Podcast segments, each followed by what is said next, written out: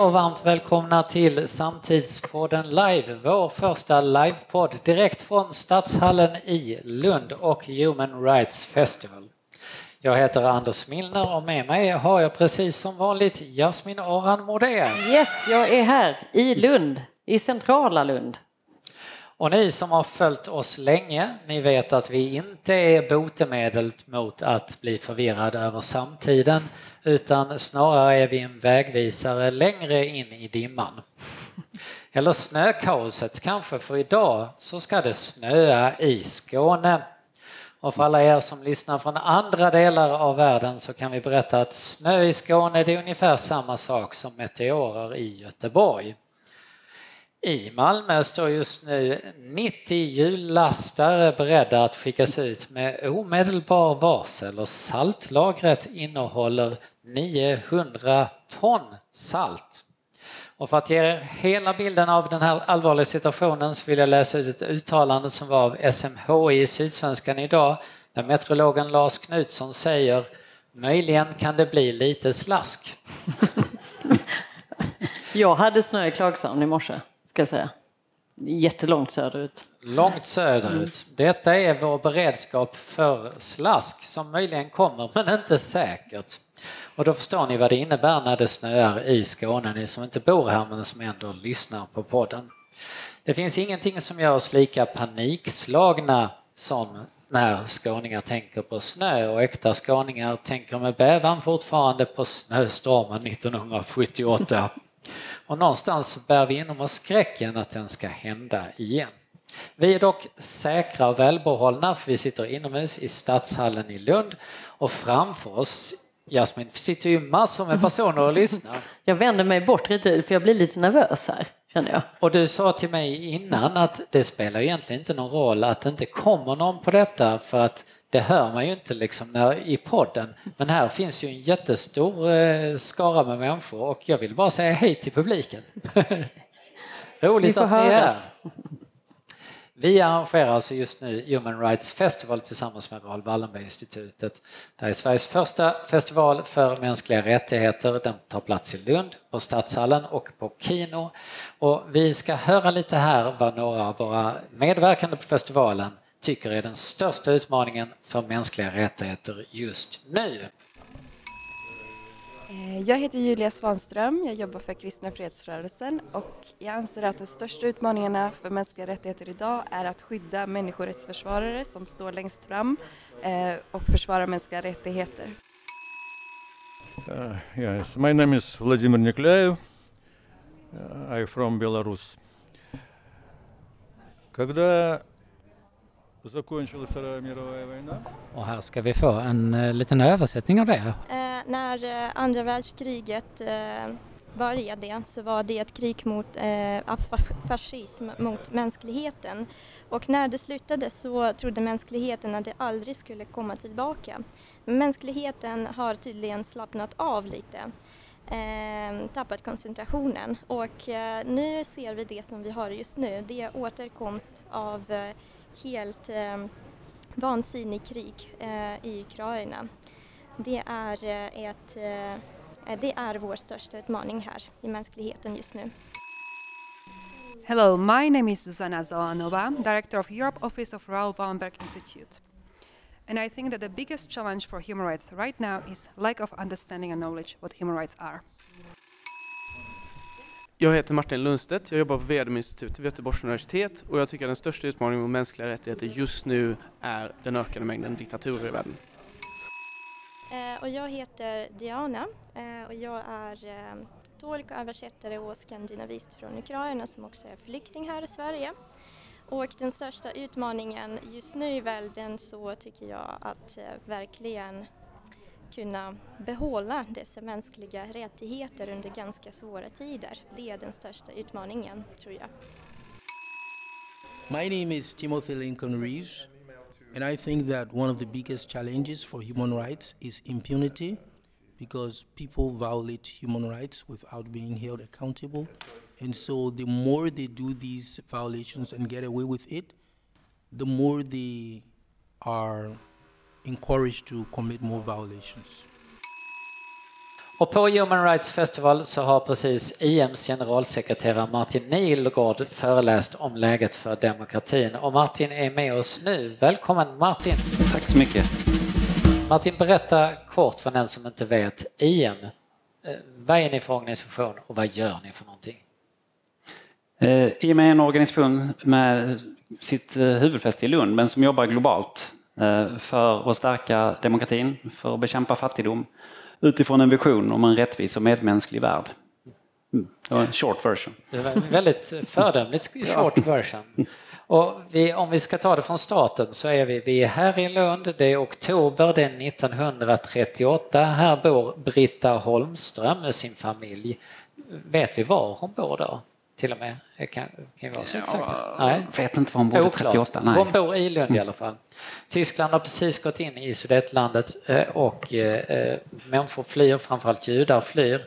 Och här får då Britta Holmström en vision att hon ska grunda en mission. Praghjälpen kallas detta då som börjar samla in pengar och den hjälpen den vidgas sedan till hela Europa och 1944 så startar IM som då står för inom europeisk mission. Numera står det som bekant för individuell människohjälp och Britta Holmström, ja hon kommer att nomineras till Nobels fredspris, hon kommer att hyllas av påven, hon blev hedersdoktor här i Lund. Och eh, Martin, vad är det speciella med, vad var det speciella med Britta Holmström? Egentligen? Jag tror det speciella var att hon var långt före sin tid. Eh, Det hon pratade om på 40-talet är högaktuellt idag. Eh, Hon, eh, som ett exempel, hon la en motion i riksdagen, hon satt där också en period, om kvinnliga präster, långt innan det var påtänkt. Eh, Så hon har påverkat mycket. Hon, eh, hon var den som kom på idén om fritidsgårdar i Sverige. Så, ja. var hon en radikal figur i sin samtid? Det skulle jag säga att hon var. Britta Holmström hade ju, och Svenska kyrkan hade ju en diskussion om att IM skulle bli Svenska kyrkans internationella arbete. Eh, Men det sägs att Britta var för radikal och hennes man som också var viktig här som var totalpacifist, att det var lite för radikalt att vara det för Svenska kyrkan då i alla fall. Och hur radikal är hon i samtiden idag då? Hon är, hon är aktuell igen med sitt Ja. tänkande. Hon fort, har hon blivit radikal igen eller är det... Jag skulle säga att eh, det är fortfarande radikalt det hon sa och, kanske att det har blivit det ännu mer igen. Det finns mycket i den tiden när hon började som, som liknar nutiden. Om man jämför till exempel eh, Tysklands successiva intag av Tjeckoslovakien och den spridningen med Rysslands intag av Ukraina så finns det rätt stora likheter. Ja. Och nu sitter vi här i Stadshallen precis eh, nyinvigd och Britta Holmström har ett eget rum här uppe på andra våningen. Och vad är det vi kan se i det rummet? För där finns en rad detaljer som har med hennes person att göra. Mm, det finns lite olika saker. Det finns eh, fotografier på henne, det finns eh, några prylar. Hon hade några medaljer hon fick. Så, vi håller väl fortfarande på att fylla på lite vad vi ska ha där. Men det invigdes igår Ja. och är på plats. liksom. Precis, Så, och där står ett skåp med, med, eh, som, en, som en liten hyllning slash museum ja. kan man säga. Martin, du har precis föreläst här på festivalen. Du är oroad för samhällsutvecklingen. Vad är det du är mest oroad för? Jag är mest oroad för de, att de auktoritära idéerna och strömningarna kommer tillbaks på väldigt bred front. Och där ett förakt för, för det svaga också lyser igenom, som för mig är fascism. Alla skulle kanske inte beskriva det, men föraktet för svaghet, för det som är avvikande eller annorlunda, är väldigt starkt i vår samtid. Hur kopplat är detta till frågan om kunskap för det? Eh, bitvis. Det handlar inte bara om kunskap. Jag, tr- jag tror inte att det går att informera bort. Eh, och diskussionen ibland är ju väldigt svår att ta. För man, för jag tycker Ungern är mer demokratiskt än Sverige. Du kan dela hur många demokratiindex du vill.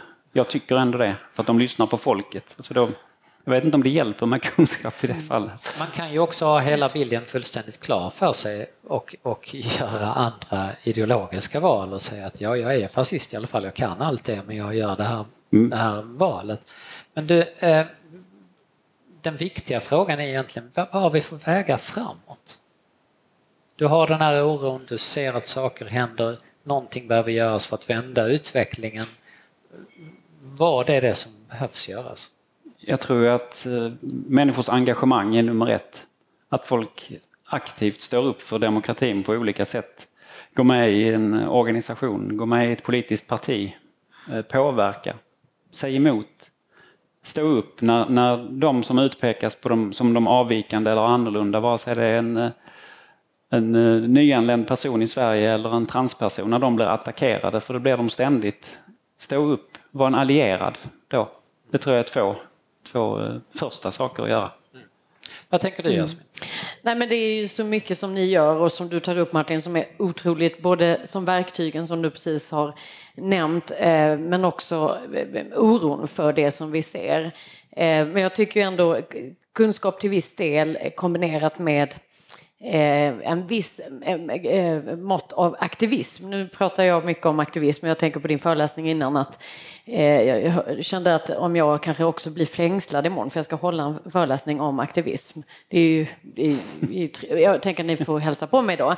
Men jag tror att vi måste bli lite mer aktivistiska i eh, vårt beteende och faktiskt dels säga ifrån när vi ser någonting.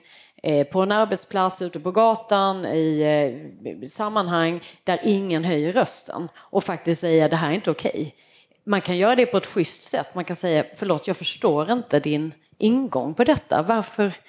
Eh, men vi måste börja våga säga ifrån. Jag tror också en, en grad till är att beblanda oss mer, alltså vara på, i sammanhang där vi möter olika. Därför problemet idag är att vi, vi hamnar ju i våra bubblor oavsett om de är på nätet eller så här. Och så ser alla likadana ut och tycker likadant och så tänker man att så här är det ju. Men om vi aldrig blir liksom gnugga våra, liksom, vad vi nu, armbågar eller huvuden eller så mot annat så får man ju aldrig insikt i varför man tänker på ett annat sätt eller varför man är och agera på ett annat sätt. Så jag tror att ett steg till är att utsätta sig också och vara i andra sammanhang. Ni två undertecknade en debattartikel tillsammans i Sydsvenskan som handlade just om, om vägar framåt och att, och att öka eh, den graden av aktiva handlingar och organisation. Så där. Eh, har, ni, eh, har ni mött några reaktioner på den? Men mest positiva reaktioner skulle jag säga och det är det oftast när IM och jag i IMs namn uttalar mig kring hotet mot demokratin så är det oftast positiva men det finns såklart annat också. Eh, det drabbar inte mig jättemycket. Eh, normalt hoppar de inte på en vit medelålders man utan då väljer man någon annan på IM att hoppa på eller så. Nej, men jag känner också att vi har fått väldigt mycket positivt. Jag tror att det som väl var lite roligt med den här artikeln är ju att det, vi kommer ändå från lite olika världar, eh, även om, om vi som Altitude Meetings ofta blir, ibland, man vet inte riktigt vad vi gör. Är vi en samhällsaktör, är vi en civilsamhällesaktör, är vi privat, är vi eh, betalda av det offentliga? Liksom, eh, det är ingen som riktigt vet, men vi är ju ett företag som är ett AB. Och att vi då kan liksom visa att det går visst då att bry sig om de här frågorna och dessutom se ett stort värde i det. Det tror jag var den reaktionen jag fick mest av den här artikeln, att fler från näringslivet förstår att av värdet att jobba mycket närmare den typen av, av aktörer som ni representerar, för man ser att vi måste alla ta ett ansvar. Vi kan inte låta någon annanism ta in, över detta. Så jag säger nog det mest eh, positivt. Sen är väl problemet att många inte riktigt ser hur de ska göra. Man hejar och ah, det är bra. Kul att ni håller på va? Och sen så är det, man gör man ingenting. Så går man tillbaka här och gör sitt vanliga. Och så står man och undrar varför de är lite störiga där nere. Säger rasistiska saker. Det, det, det viktigaste med den skulle jag nog säga var just samarbetet mm. mellan eh, ett privat företag och civilsamhället. För eh, det är bra med oväntade allianser för det överraskar folk. Oj, är mm. näringslivet med här? Och det är bra för oss i civilsamhället för vi kan ibland vara lite, ja men företaget, de gör, mm. företagen de gör ingenting. De onda, och det dessutom. kan nog vara li, likadant från andra hållet ja. ibland. Nej, men det tror jag också. Ja. Och, och, den bryggan mellan civilsamhälle och företag, är, är den svår att få till? Är det här någonting ni, ni liksom vill göra mer av men att ni, det går inte så lätt som man tror kanske? Det, det, finns kanske en, en, bild ibland hos oss i civilsamhället att företagen inte vill. Eh, vi ordnade ett, ett antal år sedan eh, ett seminarium med företag och civilsamhälle som handlar om de globala hållbarhetsmålen. Och så tyck, tänkte vi lite, nu ska vi lära företagen. Så insåg vi där att de var ju mycket längre fram än vad vi var i frågorna, vilket var lite jobbigt. Så det, det handlar ju lite om vår självbild som kan vara jobbig att utmana. Mm. Eh, och se att det finns fantastiskt bra företag och företagare som, som också vill väl i samhället. Och det är inte bara vinsten som räknas utan faktiskt det, samhällsförändringen också. Ja, och jag tror det är ömsesidigt. Och vi jobbar ju väldigt mycket med olika aktörer i civilsamhället och problemet är, och jag brukar säga att om när vi ska försöka samarbeta med, med akademin så pratar man företagska med akademiska. Det är, det, är inte mm. alltid vi förstår varandra. Jag tror det är lite samma sak. Ja företagska med civilsamhällska. Mm. Eh, och problemet med det är att det inte att man, man ser inte varandras värden.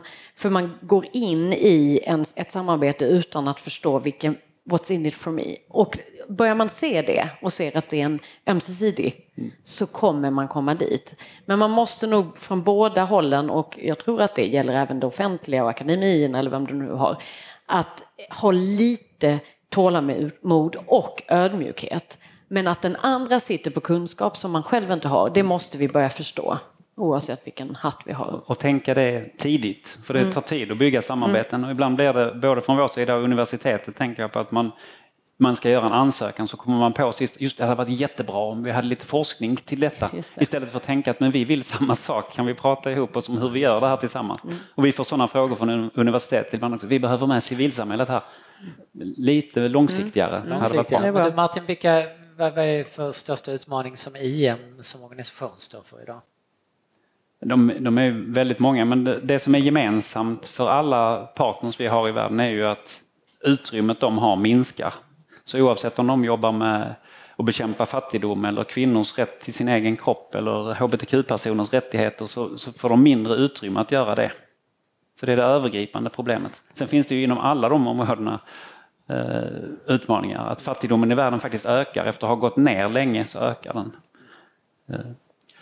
Tack så mycket för detta. Vi ska hoppa in i en avdelning i podden som heter Veckans Men hallå! Och du som kanske inte vet om detta Martin, det är alltså nyheter från veckan som fått oss att höja ögonbrynen lite extra. Häng med här!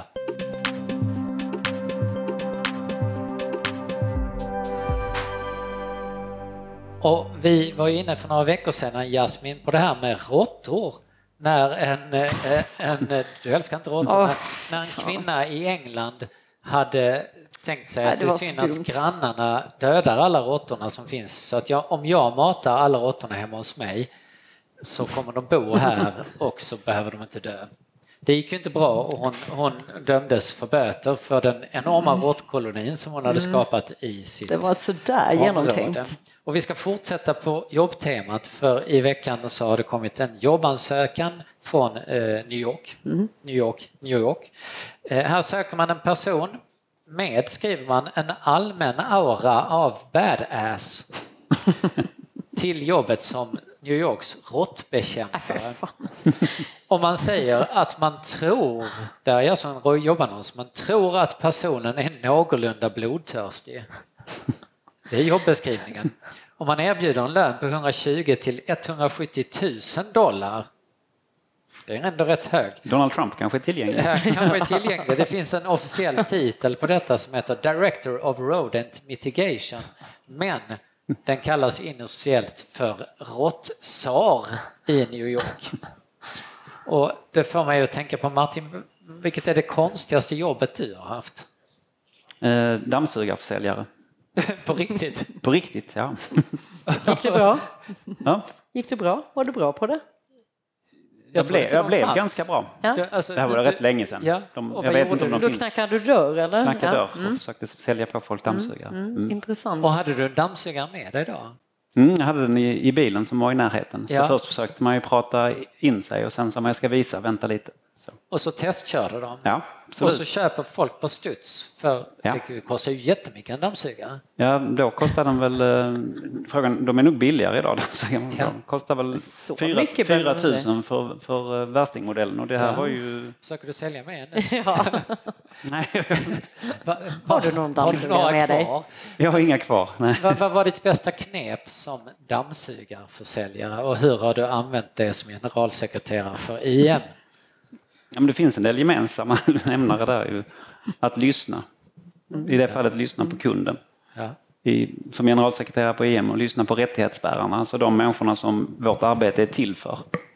Vilket vi faktiskt i våra organisationer glömmer ibland. Att vi inte är till för vår skull, vi är till för att förändra världen. Så. Och då behöver man lyssna på de som är utsatta och det är de som behöver förändringen mest. Ganska likt. Ganska likt. Jasmin, vilket är ditt konstigaste jobb? Du får inte svara vd på Altitude för det, för det blir dålig PR. Det är dålig PR. Men eh, det är ju det konstigaste i och för sig jag har gjort. Men, eh, men konstigt vet jag inte. Men jag, när en av mina första eh, liksom, riktiga jobb på, när det nu var, tidig gymnasie, så fick jag, blev jag diskare på ett ställe. Och bara det att de här, jag, är inte, jag är inte jättestor och grytorna var så stora så jag fick typ nästan hoppa in i dem för att det var sådana stora fiskgrytor. Och då fick jag också eksem på händerna som aldrig har gått bort. Inte konstigaste, men det var tufft. Ångrar ni er någon gång så kan man alltså söka jobbet som rotsar i New York och tjäna gott om pengar. Hörni, idag är det torsdagen den 7 december och idag 1930 så visades television för allra första gången i Sverige på biografen Röda Kvarn i Stockholm. 1941, idag attackerades den amerikanska flottbasen i Pearl Harbor av Japan och 1949, idag så föddes Tom Waits. Grattis på 73-årsdagen Tom! Grattis! Hörni, det var allt från oss från eh, vår subnewspodd som Altitude Meetings producerar här direkt från Stadshallen i Lund. Vi hörs och ses snart igen för vi återkommer. Och tack Ja. för att du var med Martin och tack, Tack. för publiken. Vill du vara med? Tack så mycket!